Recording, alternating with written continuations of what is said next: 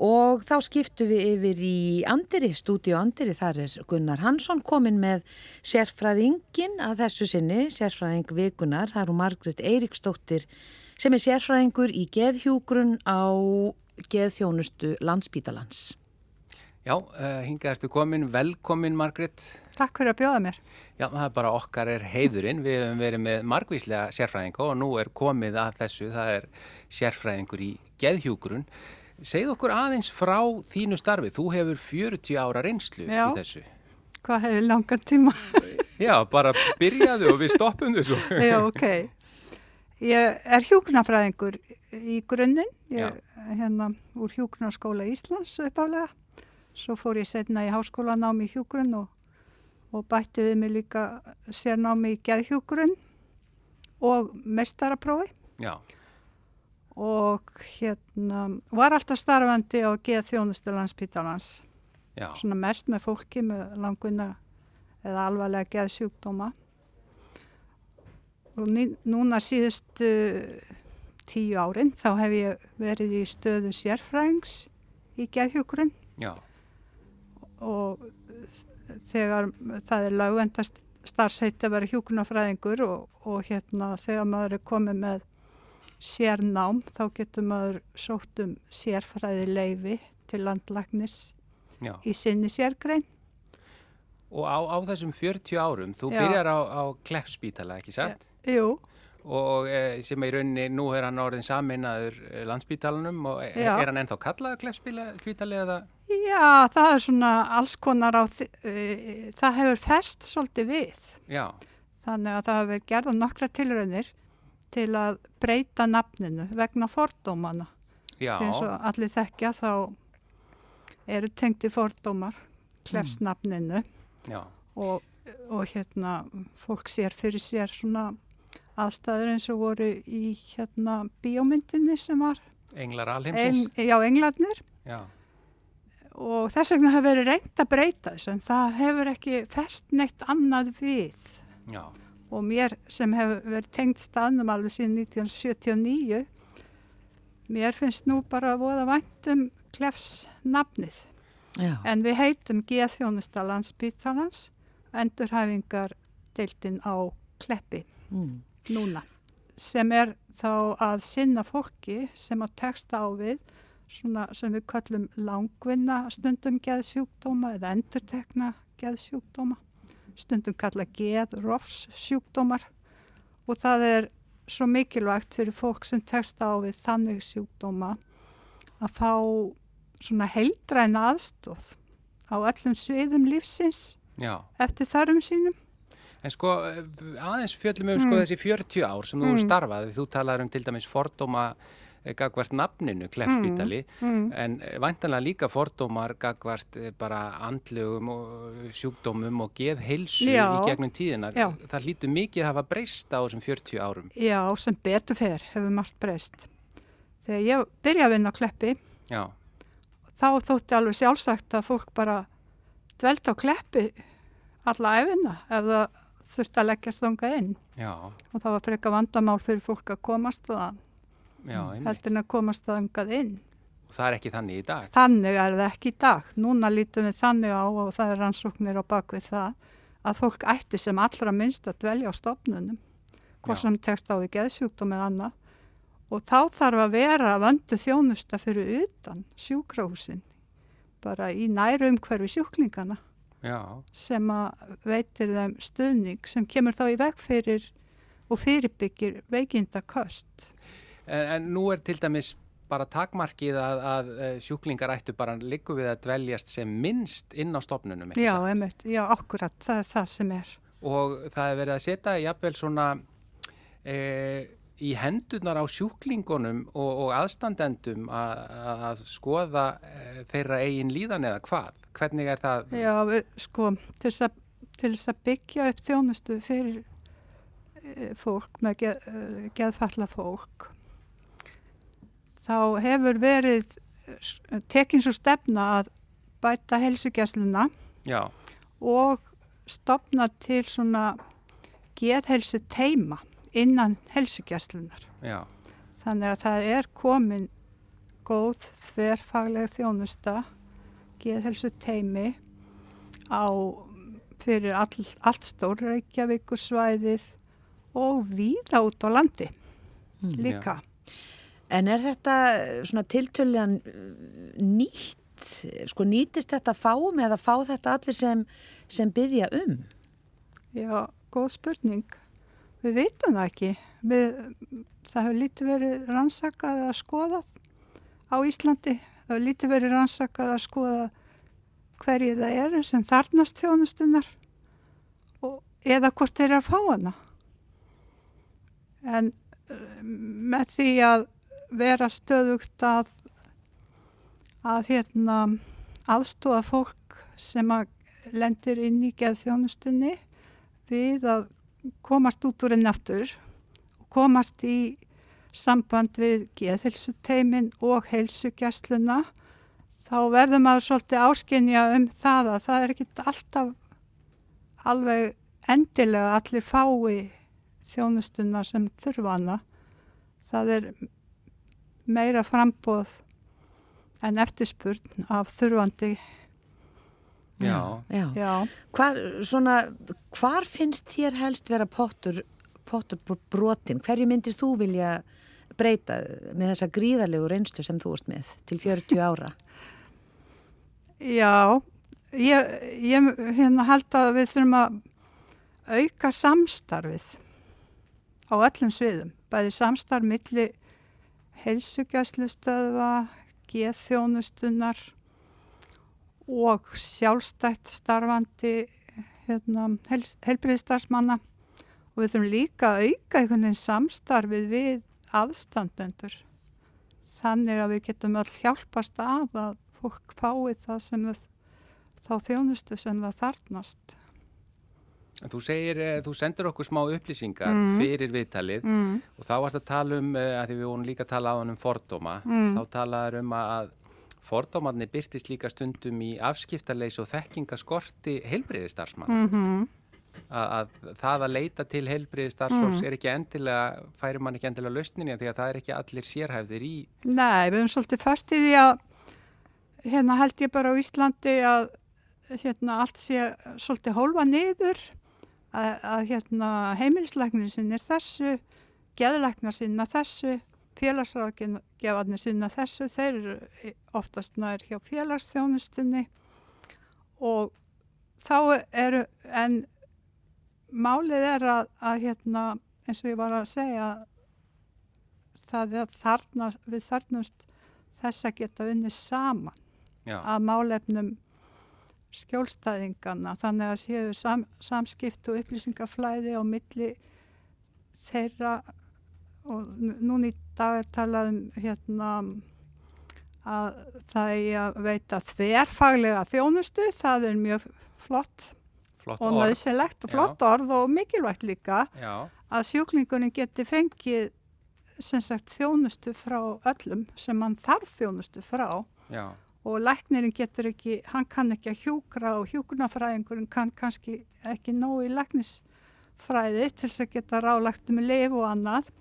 Og félagsrákjafinn kann fullt um félagslega úræði og við þurfum að sjá til þess að sjúklingurinn njóti allra þessara þekkingar. Já.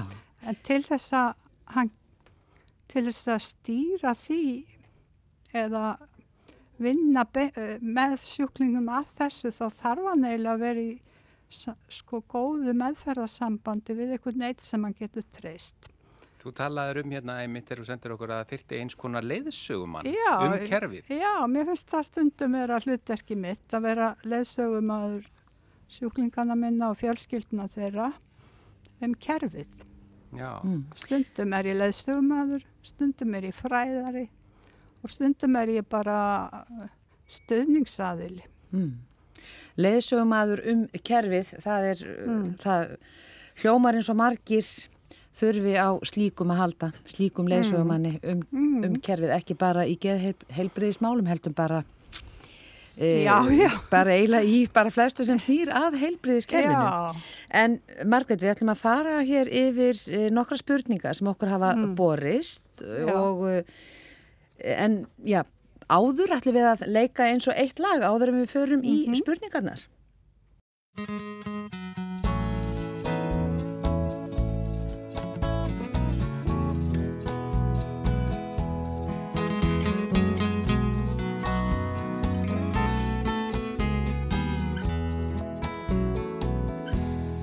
Allt mitt líf er andartak í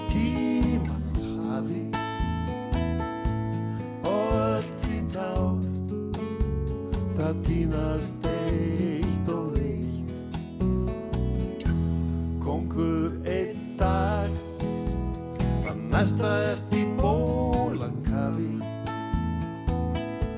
Þú reyðir sund sem þýðir ekki neitt. Og eftir sittur sásökin og stundur svo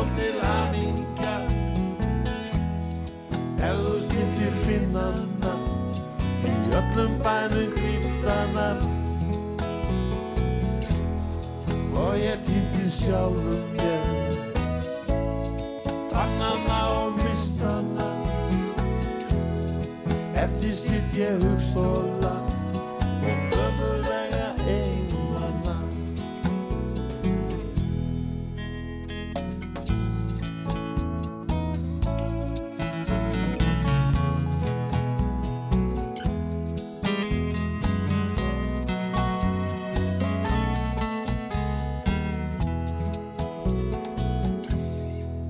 Allt mitt líf. Er andartak í tímans hafi. Og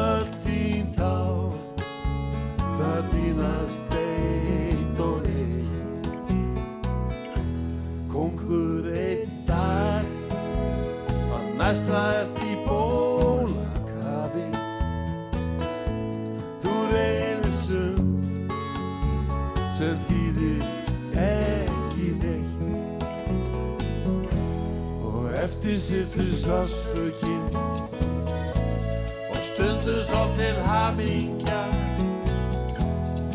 Ef þú skildi finna hana í öllum bænum gríftana ég sem týndi sjálfur mér. Fann hana og mista hana eftir sitt ég hugstóla svo ömurlega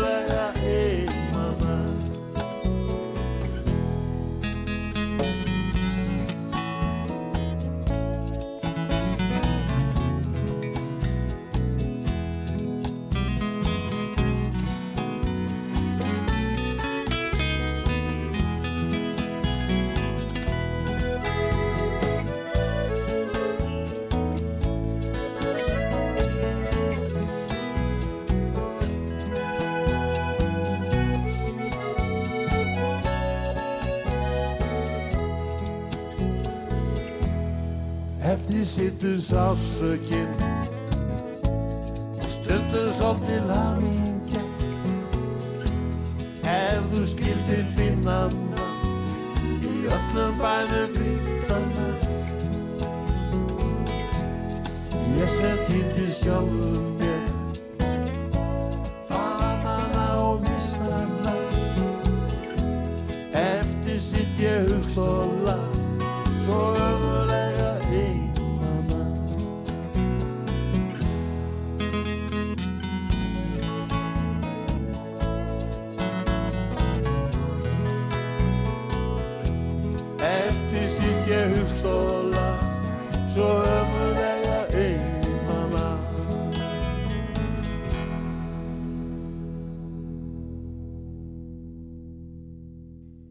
voru þeir K.K. og Maggi Eiríks og lagið Kongur einn dag. Já, og við erum ennþá hérna uh, með sérfræðingin okkar. Í þetta sinn er það Margrét Eiríksdóttir, sérfræðingur í geðhjúgrun hjá geðþjónustu landsbítalans. Við vorum að tala bara svona almennt um þitt starf og, og þetta að- vera uh, sérfræðingur í geðhjúgrun í geðþjónustu. En nú ætlum við að fara yfir nokkra spurningar sem við fengum sendar inn uh, frá hlustendum. Eh, Guðrún, ef Já. þú tekur kannski fyrstu spurninguna. Já, hún er svolítið laung uh, og það eiga kannski sameilegt þarna þessar, þessar tvær fyrstu, það eru svona kannski dálítið langar en Já. engu að síður góðar. Uh, góðan dag. Hér er smá hugleðing frá mér í þessa umræðu. Ég var greindur með væg geðkvörf fyrir átt árum en hef aldrei farið á lif og hef náð að halda mér nokkurt megin í góðri geðhelsu með því að fara mjög vel með mig. Reglulegur svepp, mataræði, hugleðsla og slökun hafa fleitt mig langt. Hef samt nokkrum sinnum farið í maníu en þau tímabil hafa valdið mér miklu hugarangri eftir á, en það nánast gert úta við mitt hjónaband og atvinnu. Í stuttum áli hef ég með yktri hegðun minni sært fólk í kringum mig með orðum og gjörðum og þessi tímabil hafa varað í nokkrar vikur, kannski fjórar til sex. Þá er þetta svona vaksandi en aldrei neinn störlun eða þess áttar bara vaksandi manjuhegðun sem síðan er ákveðnum hápunkti og svo niðurleið. Á þessum átta árum hef ég farið cirka þrisa til fjórum sinnum í manju en eins og ég nefndi aldrei farið á lif. Ég fór á sínum tíma í viðtal á geðdeild þar sem ég var greintur og svo bara hef ég reynd að passa upp á þetta sjálfur. Ég fer ekki langt niður í þunglindi eftir þessi köst en verð samt þungur í smá tíma. Fyrir tveimur árum ákvað ég hægt að drekka og hef ekki farið í maníu síðan og þegar ég hugsa tilbaka hef ég alltaf farið að drekka töluvert af áfengi í kringum þessi maníu köst. Eru tengsl á milli áfengisneislu og maníu, hefur þetta verið rannsakað og spurning mín er þessi, ætti ég að gera eitthvað meira í þessu eða halda áfram að hafa þetta í mínum höndum á þann hátt sem ég hef gert hinga til? Já, mér langar að byrja að þakka þessum hugrakka fyrirspyrjandi fyrir fyrirspurnina. Hún er, því hann er ekki einn í þessum sporum. Nei. Það er margir sem taka, ekki bara takast á við, við geðkvarasíki eða bæpólar eða það er bara margir sem takast á við geðsjúkdóma sem að velta því fyrir sér hvenar sér komin tími til þess að leita sér hjálpar Já, og því miður hérna verðist það oft vera þannig að fólki finnst ekki viðhend að leita sér hjálpar fyrir en að allt er komið í rosalegt strand. Já, og ég myndi segja að ef maður er að takast á við sjúkdóm eins og geðkvarasíki þó hún sé væg að það myndi ganga miklu betur ef, ef að viðkomandi fengi sér góðan hérna, hvað ég að segja, leðsögumann eins og við vorum að tala um áðan mm. Ef hann leitaði til fagaðila sem væri tilbúin að, að, að hérna, taka þess að göngu með honum í tilraunum til að, en hitt er alveg rétt sem að fyrirspyrjandin hefur verið að gera að reyna að ná valdi á sjúkdómi sín. Það, það er mjög mikilvægt og það er hægt já, og þó þessi samband milli áfengisneslu og, og manniukasta og ég vil þunglindiskasta líka þá er nú ekki alveg vita hvort er á undan mannian eða drikjan, mm. hvort veldur hverju. Já, það er ekki alveg ljóst og það er jafnvel ekki ljóst fólki þó það sé búið að fara í gegnum þetta, hvort kom á undan og hvort var afleggingin en hvort sem það er áfengist vandamál með áfengið eða geðkvarasíkina þá er svo mikill munur að hafa hyggin leðsugumann sem getur hjálpa manni, sem að getur tala við í trúnaði, sem að getur hjálpa manni með það hvað, hvað er best að gera og hvernig er best að gera það. mm. Þá getur maður að forða svo miklum af, afleðingum. já. já, Þannig að þú myndir ráðleggja uh, þessum að, að, að leita til heilbriðiskerfisins. já og þá, þá er kannski best að, að hérna, hvetja svona fólk almennt til ef það, ef það veit ekki hvert á að leita að byrja hjá heimilslæknin. Já, þetta er þar. gengrindar einmitt. Já. Næstu, ég ætla að taka hérna stökka bara yfir, það er fjórðaspurningin og hún tengist þessu. Já, og ég ætla að koma með hana hérna. Halló, ég vildi vita hvernig ég get komist í tengingu við fagfólk í geðheilbreyðismálum eins og til dæmis þig, Margrét, sem ert sérfræðingur í geðhjúgrun. Mm. Eh, ég get farið á heilsugjæslinu og hitt heilsugjæslu lækni en ég veit ekki hvernig ég kemst í samband við sérfræðing í geðheilbreyði. Mm. Hvert á ég til dæmis að snúa mér ef ég myndi mm. vilja fá að hitta þig? -hmm. Þannig að þetta snýr svolítið að akkurat því sem þú varst að svara. Eh, getur verið flókið að, að komast í samband við sérfræðing? Já, ég veit ekki eins og sjálf hversu auðvelt eða flókið það er. Ég, ég þekki aðalega til innan geð þjónustunar og ég fæ stundum ráðgjafa, það kalla ráðgjafabenni þá er ég, fæ ég beinir frá öðrum heilbyrðistafsmönnum um að hitta einhvern tiltekinn einstakling og skoða með honum hans mál og veit honum ráðgjöf vegna sinna geðrænu vandamála eða kvartana og ég fæ stundum svona beðnir líka frá heil, heilsugjæslu starfsmönnum, bæði hjúkunarfræðingum og læknum. En allt og sjaldan finnst mér, grunnsamlega sjaldan. Þannig að ég held sko að, að hérna, það gæti verið miklu oftar að ef að sjúklingur leit, einstaklingur leit, ég segi sjúklingur að því samkvæmt heilbriðislögum þá erum við sjúklingar þegar við leitum til heilbriðistarsmanna en ég er ekki að gera lítið á fólki þó ég tala um sjúklinga, það er bara einfalda málið. En þegar sjúklingu leita til heimilisleiknisins síns og hann veit ekki alveg hvað hann á að ráleggja finnst hann ekki hafa nóg insýnin í þetta þá gæti hann einfallega sendur ágjafabeðni til sérfræðings í geðhjúgrun á á geðsviðinu, geðþjónustu landsbytalans. Mm. Þú segir að þú svona fáir í rauninni grunnsamlega sjaldan uh, mm. svona uh, fólki vísa til þín. Já. Heldur að geti verið þá að, að heilbriði starfsfólk eða, eða hérna, heilsugjæslu læknar uh, séu kannski bara ekki nú meðvitaður um það? Ég hugsa það sé svo leiðs. Og þarna komum við aftur að því sem þú tala um að vantar svolítið Já. meiri samþættingu. Já. Já, en eftir því sem almenningur veit meira um það hvað er geta beðið um Já. og hvað er hægt að fá og að þeir hafi rétt á að byggja um það þá geta, getur almenningu líka aðstofa við helbriðstafsmenn við að sækja réttu þjónustuna fyrir sig mm. Já, já Já. einmitt aðtiklisvert hvað, já, það, það, þetta er ekki alveg svona á hreinu með, með sko ferlana, hvert á að, hvar á að byrja? Nei, það, það er svona, þetta er svolítið landlagt á Íslandi að hérna fólk, fólki finnst að það eigi að leita beint til viðkomandi sérfræðings og þá, er þá erum við aðalega að tala um sérfræðinga í lækningum sko. Þegar einhver finnur til í maganum þá fer hann kannski fyrir að leita upp í meldingar sérfræðing og svo framvegs og geð, býður eftir geð, að komast að hjá geðleikni árum, árum saman jáfnvel. Já. En hérna raunverulega eh, ætti heilsugjastlan að vera svona og heilsugjastlu læknarnir og heilsugjastlu hjókunarfræðingarnir að vera svona umferðastjórar Já. ætti að gera fyrstu greiningu og hjálpa fólki að komast þánga sem að, það þarf að koma. Já, Já. Eh, Önnur spurning hér eh, góðan dag, mér langar að vita hvernig ég get komist inn í úrræði á vegum til dæmis borgarinnar sem sagt komast í húsnæði eða búsetu úrræði eða þjónustu íbúður fyrir fólk sem glýmir við andleg veikindi.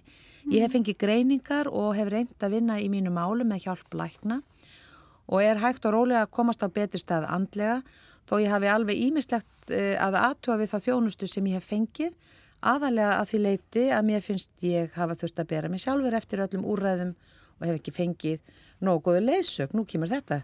Ekki nógu góða leiðsögn í því hvernig ég á að snúa mér til dæmis í mm. sambandi við búsetu úrraði og spurningin er þessi hvert á ég að snúa mér mm -hmm. Þetta er líka svona doldið flóki spurning að oft veit fólk ekki að hefur ekki hugmyndum eða hefur rétt á eða hefur sagt, það mikla þjónustu þarfir að, að, að við komandi hafi fullan rétt á að sækjum sértaka búsetu með þjónustu hjá félagsþjónustunni. En jáfnveil að einhver viti það, þá hérna getur verið flókið að komast í svona úræði hérna eh, sem sagt eðlilega leiðin er eða svo leið sem er, hérna alveg þekkt er að tala við félagsrákjafa hjá s- í sínu sinni hverfis miðstöð og félag, sá félagsrákjafi metur þjónustu þarfinnar og sækir um úrræðið. En svo er alltaf færri úrræði til heldur en að fólk þarf, þannig að Já. það þarf oft, oft að býða. Já, það eru byggðlistarnir. Já, byggðlistar og stu, svo er líka stundum vandamál að sá sem þarf þjónustuna, hann hefur einhvern veginn ekki nógu góða, gott innsægi í það, hvers hann þarf.